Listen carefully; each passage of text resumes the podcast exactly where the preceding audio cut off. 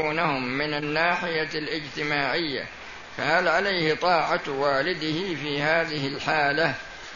على كل حال الزواج علاقة الزواج علاقة عمر وعلاقة الأبوة وعلاقة المرأة يفصلها الطلاق لكن علاقة الأبوة يعني ممكن إنك تروح للمحكمة وتتبرأ من أبيك ولا تتبرأ من ابنك مثلا لا.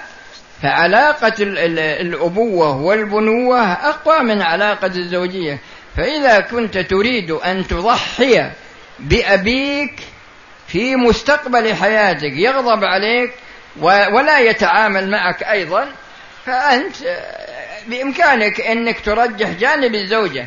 أما إذا كنت تريد أن ترجح البر بأبيك فأطعه حفاظا عليه وعلى كل حال ومن يتق الله يجعل له من أمره يسرا. هل يجوز لي أن أكتب أن أكتب أن أمكث قرابة الساعتين في مكة بعد طواف الوداع؟ نعم لأجل قضاء الحوائج ما في مانع. لو توضح الفرق بين الرخصة العارضة العارضة والمستمع. أنا ما قلت أنا ما ما جبت ما جبت هالكلام. والرخصة المستحبة. خصوصا رخص الجمع في السفر فإن كثيرا من الناس يستخدمون استخداما خاطئ.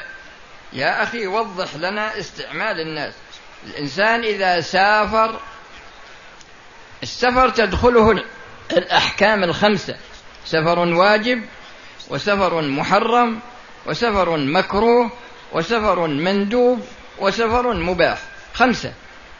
إذا كان السفر مباحا أو مندوبا أو مكروها أو واجبا ما في مانع من ال ال ما في مانع من الأخذ بالرخصة.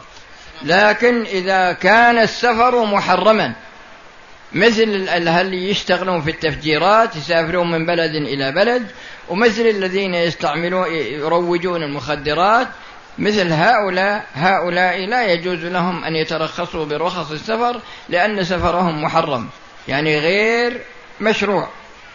هذا ب... اجلس. اجلس. عليكم السلام ورحمة الله. بس اجلس. اجلس. اجلس. تكلم مع الناس. هذا من جهة. ومن جهة ثانية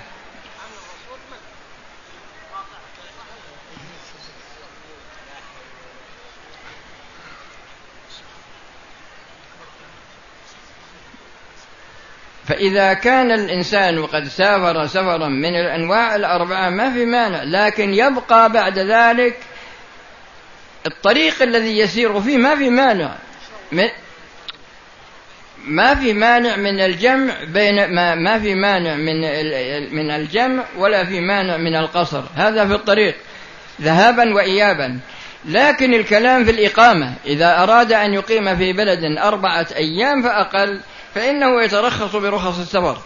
يعني يقصر وإذا صلى كل صلاة في وقتها ما في ما طيب لكن لو جمع بين الظهر والعصر جمع تقديم أو جمع تأخير أو جمع بين المغرب والعشاء جمع تقديم أو تأخير ما في مانع. أما إذا كانت إقامته أكثر من أربعة أيام فإنه لا يترخص برخص السفر. عندنا عادة إذا مات الميت يذبحون الذبائح بعد بعد موته بعشرة أيام. إذا كانوا إذا إذا إذا إذا تصدقوا بشيء من المال سواء كان ذبائح أو مثلا أو أو غير يعني أي شيء من من المال المباح. إذا تصدقوا به على نية ميتهم لكن لا يحددون وقتا معين وقتا معينا سواء تصدقوا في يوم موته أو بعد يوم أو يومين أو شهر أو سنة فالأمر في هذا واسع. لكن إذا اتخذوا وقتا معينا فهذا بدعة. هل يجوز إعطاء الزكاة لأخي الذي يرغب في الزواج علما أن المال الذي سيزكى هو مال الذي ورثناه عن والدي رحمه الله. إذا كان أخوك عاجزا إذا أثبت بصك شرعي أنه عاجز عن آه، دفع المهر وأتى بعقد الزواج. أتى بعقد الزواج لأن في بعض الناس يأخذ المال ويروح يلعب به. يسافر به برا إذا أخذ مثلا ألف ريال ألفين ريال خمسة آلاف ريال يسافر برا ويلعب فيها على كيفه. هم يجي يقول والله أنا ودي أتزوج أنا أبيكم تساعدوني. فلا بد من الأمرين. صك يثبت أنه لا يستطيع الزواج. والثاني أنه لا بد من الإتيان بعقد الزواج. فإذا أتى بعقد الزواج وإذا أردت أنك تدفع المال لا تدفع أهله لا. ادفعه لولي الأمر المرأة.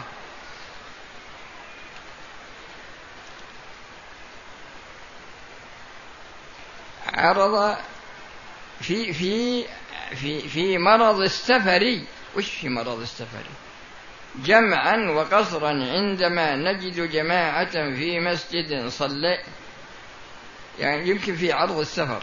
جمعا وقصرا عندما نجد جماعة في مسجد صلينا الظهر ركعتين ثم صلينا العصر. ما في مانع. إذا في ناحية مهمة يخطئ فيها كثير من الناس وهي أن المسافر إذا اقتدى بمقيم صلى ركعتين وسلم. صلى ركعتين وسلم. وهذا غلط. فالمقيم فالمسافر إذا اقتدى بمقيم يصلي الظهر أو العصر أو العشاء فإنه يصلي أربعا. ولو بطلت صلاته هذه فإنه لا بد أن يقضيها أربعا.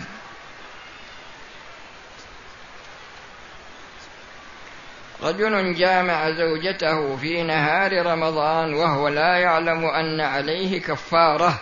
وإنما يعلم أن ذلك لا يجوز وإذا كان عليه الكفارة فهل كفارة واحدة أم عن كل يوم كفارة؟ وهو الآن لا يستطيع الصيام فكم هو مقدار؟ كونه يعلم أن هذا الأمر حرام هذا يكفي. وليس من الشأن أن يعلم الكفارة التي عليه ليس من شأنه هذا. لكن ما دام يعلم أن هذا الأمر حرام فإن عليه كفارة عن الجماع في كل يوم من الأيام. فإذا فرضنا أنه جامع خمس, خمس مرات في خمسة أيام فإن عليه خمس كفارات. يعني آه، خمس رقاب عتق خمس رقاب أو صيام عشرة أشهر.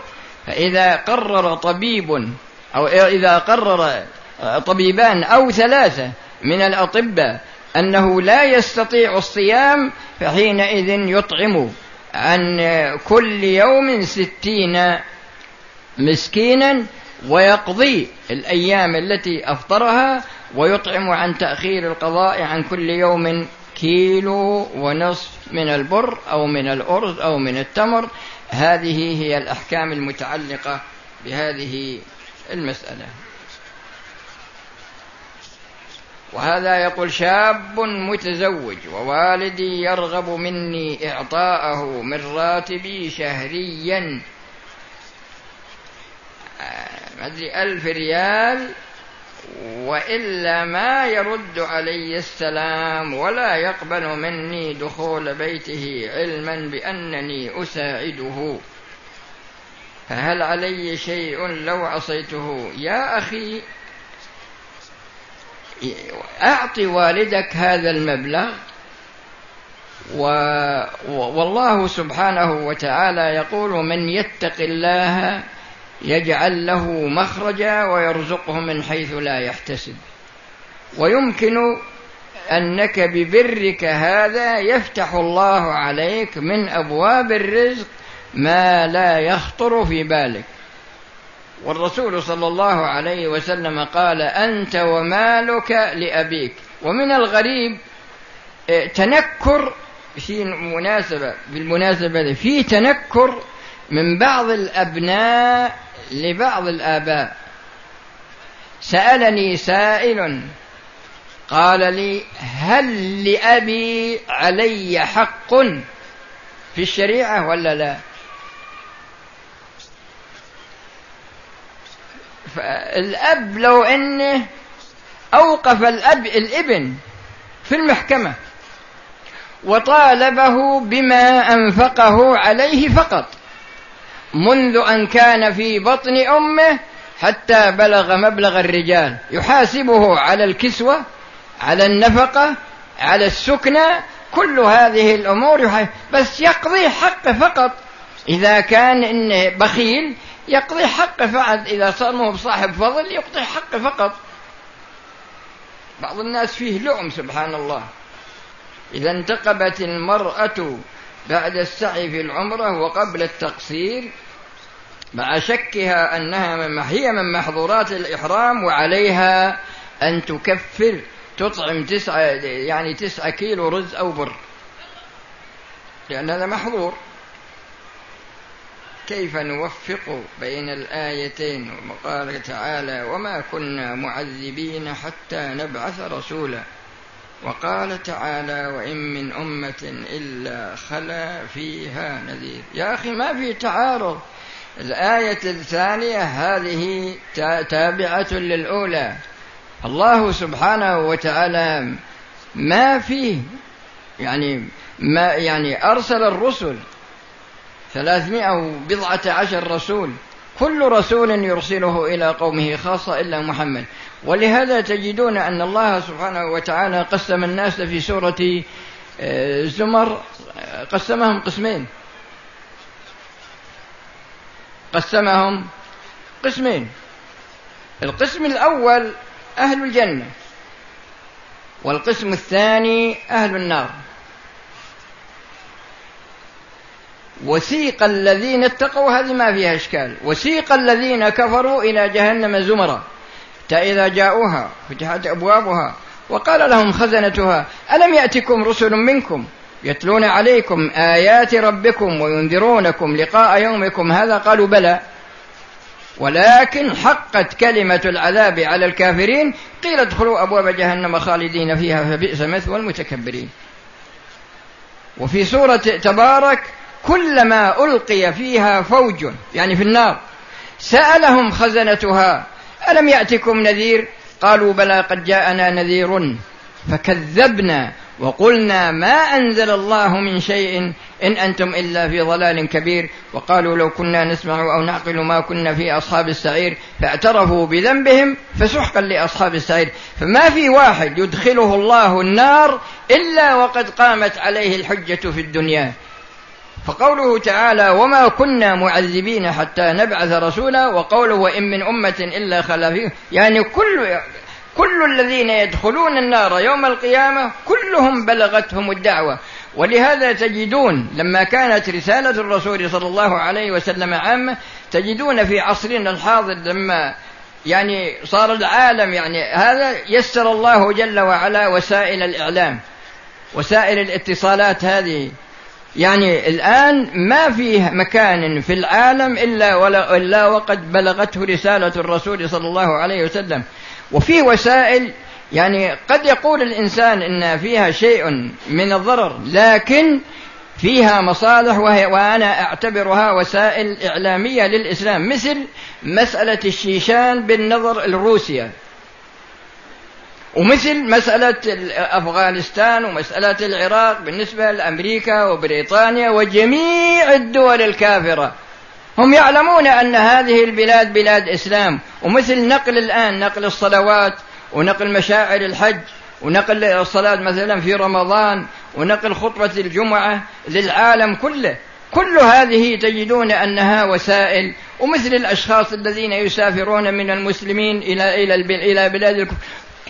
والقنوات الفضائية الآن الذي الذي سهلت على الناس وصول هذه الأشياء. وفي سورة الأنعام يقول الله جل وعلا قل أي شيء أكبر شهادة؟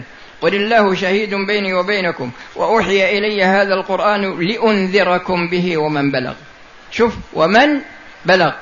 فمعنى هذا أن الله سبحانه وتعالى متكفل بتبليغ هذا الدين إلى الناس حتى لا يدخل الجن حتى لا يدخل النار أحد إلا وقد بلغته الدعوة في الدنيا فامتنع عن قبولها.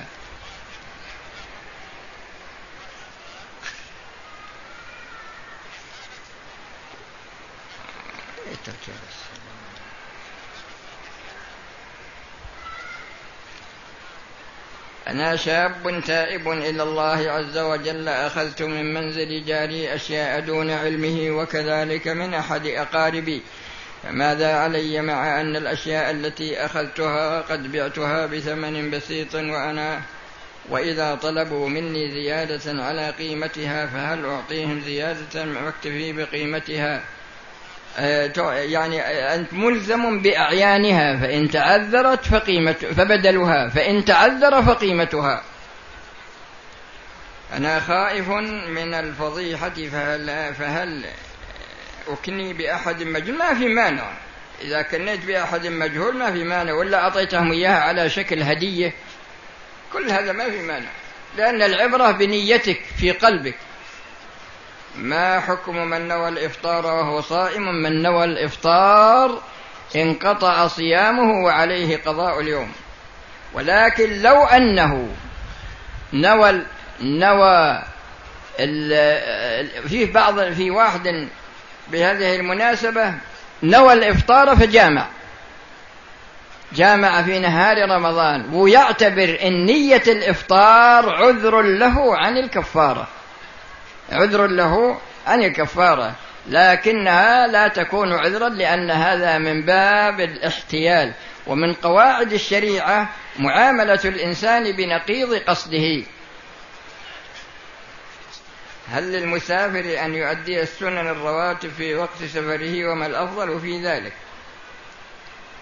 المسافر يكتب له أجر ما كان يفعله مقيما من النوافل ويكتب له أجر كمال صلاته إذا قصر ويكتب له أجر كل صلاة في وقتها إذا جمع.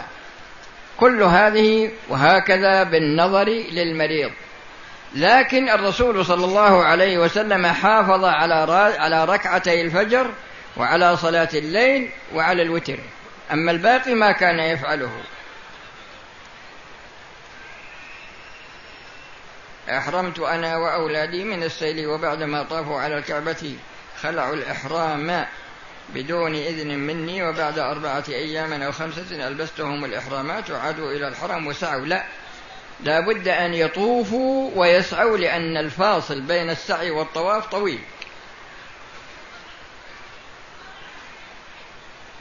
يقوم بعض الناس بأداء ركعتين بعد الانتهاء من الأذان فما رأيكم في هذا؟ هم يأخذون بعموم حديث بين كل أذانين صلاة.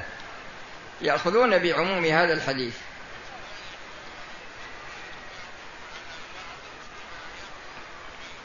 جئت إلى مكة وسكنت بها. وذكرت إيه؟ وذكر أن الإحرام من البيت وقمت بالإحرام من البيت وجئت بعمرة. إذا كنت أحرمت من البيت في مكة فإحرامك منعقد ولكن عليك فدية تذبحها في مكة وتوزع على فقراء الحرم.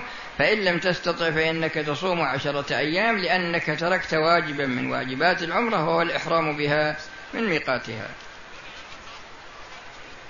أنا جئت للعمرة في سنوات ماضية ولم أخبر أهلي بأنني جاءتني الدورة وطفت معهم وسعيت. تلك العمرة ليست بصحيحة وإذا كانت هذه المرأة قد تزوجت ولم تأتي بعمرة فإن عقد الزواج غير صحيح. فإن عقد الزواج غير صحيح. أنصح هذه المرأة أنها تتصل بالتلفون على أحد المشايخ وتسأله وذلك من أجل تفصيل الجواب أو أن ولي أمرها يتصل بي بعد الانتهاء من الدرس بعد العشاء وأملي عليه الجواب. يكون معه قلم وورقة وأملي عليه الجواب لأنه يحتاج إلى عدة خطوات في الجواب. لما تنصحونني من كتب التفسير في مجال الأحكام؟ وها يا أخي في كتاب أحكام القرآن لابن العربي هذا مختصر والسنة في كتاب منتقى الأخبار. هذا من أحسن الكتب فيه تقريبا خمسة آلاف حديث. وابن العربي صاحب كتاب الأحكام يقول إن أحاديث الأحكام, أحاديث الأحكام في السنة لا تزيد عن خمسة آلاف حديث. وكتاب المنتقى هذا فيه خمسة آلاف وزيادة لا أدري تسعة أحاديث أو أو سبعة أحاديث لكن خمسة آلاف هذه موجودة.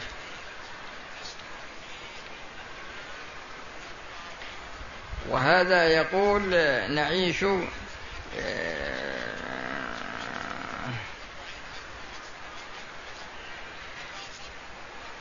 لا شغل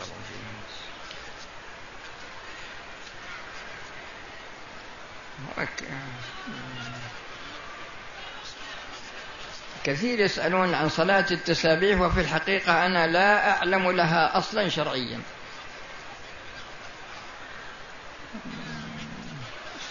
أعطنا أسئلة واقعة مرة. كيف نجمع بين قوله بين قوله؟ أنا إيش؟ إنا سنلقي عليك قولا ثقيلا يا أخي هذا ألقي على الرسول تبليغ الرسالة. تبليغ الرسالة. وبعدين ولقد يسرنا القرآن للذكر. يسره الله للقراءة ويسره للحفظ ويسره الآن من ناحية طباعته ونشره فوجوه فالتيسير له وجوه كثيرة.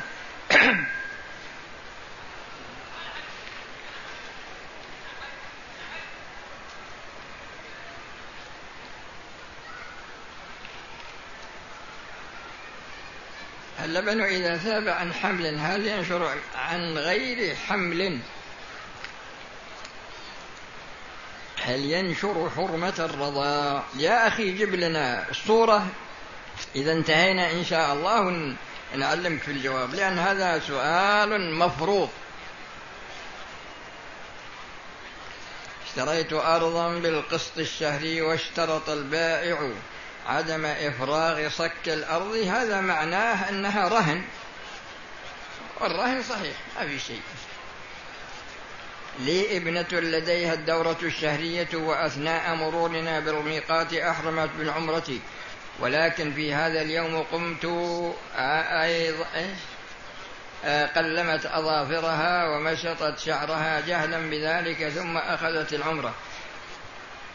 بالنسبة للأظافر تسعة كيلو. بالنسبة للشعر الذي تساقط منها تسعة كيلو. فتتصدق بثمانية عشر كيلو في مكة.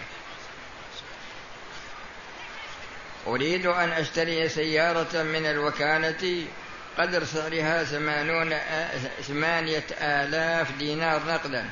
ولكن عند شرائها بالتقسيط عن طريق استقطاع آه، أقساط ميسرة تخصم الراتب عن طريق البنك يضاف إلى السعر هذا يعني قصدك أنك تبي تشتري سيارة مؤجلة قيمتها أكثر من قيمتها حاضرة. إذا كانت السيارة مملوكة لمن باعها عليك فليس في ذلك بأس.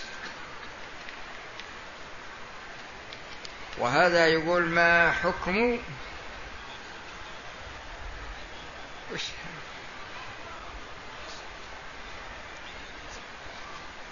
ما أدري والله ما الكتابة ما هي واضحة. وهذا يقول من حلق أجزاء من شعره ولم يحلق يحلق جميع الشعر. ما يصدق عليه أنه حلق الحلق الشرعي.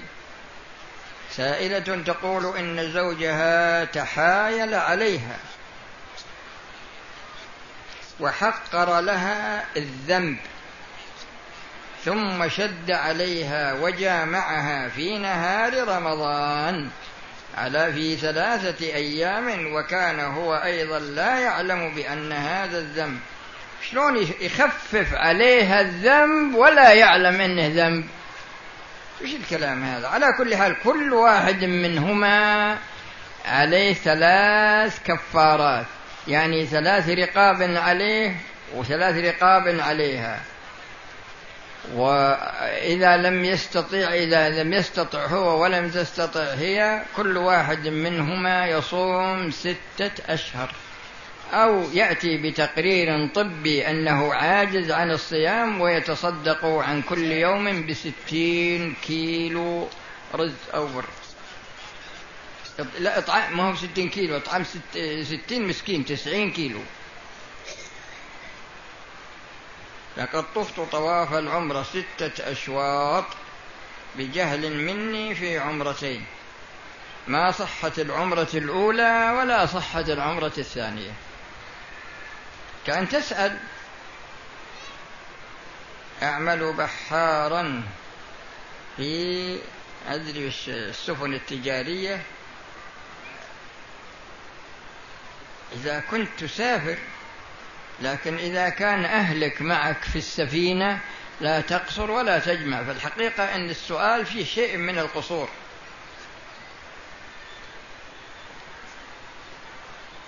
أول شهرين من زواجي قلت لزوجتي أنت طالق من قلب بارد. والله ما شاء الله شجاع هذا. حصل بيني وبينها كلام نقاش. وبعد قليل من هذا النقاش سامحتني وسامحتها ولدي منها خمسة أطفال وصار الزواج حوالي خمس أربعة عشر سنة. إذا إذا قلت لها أنت طالق هذه تعتبر طلقة واحدة. فإذا كنت يعني تزوجتها وجامعتها وكان هذا الطلاق بعد جماعك مثلا يعني قصدي دخلت بها فهذا يكون طلقة واحدة ولك مراجعتها ما دامت في العدة فإن كنت راجعتها بشهادة شاهدين أو بجماع بنية الرجوع إليها فإن هذا يكفي والزوجة تكون زوجتك. منذ من, عدة سنوات كان عمري ستة عشر سنة تقريبا ووجدت في دورات المياه التي بجانب الحرم مبلغ لا أدري أهو ألف أو ألفين ريال وأخذتها وصرفتها ولا أعلم أنها لقطة حرم. أنت علمت الآن يجب عليك إرجاعها إلى الجهة المسؤولة عن لقطة الحرم. واستغفر الله مما مضى. كنت مسافرا بطائرة وفاتني المغرب وحصلت جماعة يصلون العشاء. صليت معهم العشاء وبعد صلاة الصلاة صليت المغرب أصبت في هذا الأمر. أحرمت زوجتي وهي حائض من الميقات ولبست القفازات والنقاب وبعد أيام أخبرتها بأنه لا يجوز لها لأنها محرمة وهي تقول إنها لا تعلم أو ناسية فماذا يجب عليها؟ يجب عليها الكفارة كما سبق. قدمت إلى جدة بالطائرة ولم أحرم من جدة ودخلت مكة وبعد ثلاثة أيام رجعت إلى جدة وأحرمت وأديت العمرة. هذا يحتاج إلى معرفة نيتك قبل أن تصل إلى جدة. إذا كنت سافرت من بلدك تريد العمرة أو تريد الحج فلا يجوز لك مجاوزة ميقاتك إلا بإحرام لأنك لكن أما إذا كنت قدمت لجدة ولك أشغال وتقول إن تيسر أمري أخذت عمرة وإن لم يتيسر لي عمرة سافرت بدونها فأنت إذا أحرمت من جدة فليس عليك شيء. أنا مسافر وأتيت في المسجد صلاة الظهر في الركعة الأخيرة فأكملت ركعة واحدة. لا يجب عليك أن تصلي أربعا كما سبق ذكره لأن المسافر إذا اقتدى بمقيم صلى صلاة مقيم. تركت مبلغا من المال مع أحد أقربائي للتجارة على أن يتم اقتسام الربح مناصفة آخر العام فهل في ذلك شيء؟ ليس في ذلك شيء. للحرم المسجد الحرام هل أستقبل الكعبة بجعل النظر إليها؟ انظر إلى موضع سجودك. السؤال الثاني المسبوق في الصلاة إذا وجد من لحق الجماعة هل يصلي معه ويأتم به أب... نعم. إذا وجدت شخصا وقد سلم الإمام وقد فاتته الصلاة فإنك تدخل معه على نية أن يكون هو الإمام وأنت المأموم. لكن يحتاج إلى أنك تعرف يعني مقدار الصلاة لأنه يمكن يختل نظام صلاتك. فإذا من مثلا أدرك مع الإمام ركعتين وسلم الإمام وجئت أنت ودخلت معه ما في من أول الصلاة ما في مانع في مثل هذا الشيء. أما إذا إذا كان بحصل خلل في نظام صلاتك فلا تقتدي به. وما معنى حقوق العباد؟ حقوق العباد يا أخي حقوق العباد فيه الأموال مثلا يعني إتلاف الأموال هذا من حقوق العباد. فيقول مبنية على المشاحة لأن لا بد أن أن يسمحوا هم. أما حق الله جل وعلا فهو مبني على المسامحة لأن الله جل وعلا غفور رحيم. إذا وجدت عملا إيش؟ وهذا العمل يفرض علي حلق اللحية لضرورة العمل لا طاعة لمخلوق في معصية الخالق.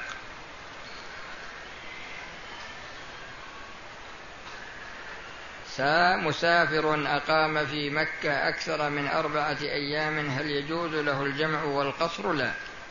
لا يجوز له القصر ولا الجمع. سيدة عجوز أحرمت ثم طافت بالبيت ثم ذهبت للسعي. وفي الشوط الثاني وقعت على الأرض. من الجهد فماذا عليها؟ تستريح قليل وبعد ذلك تكمل السعي.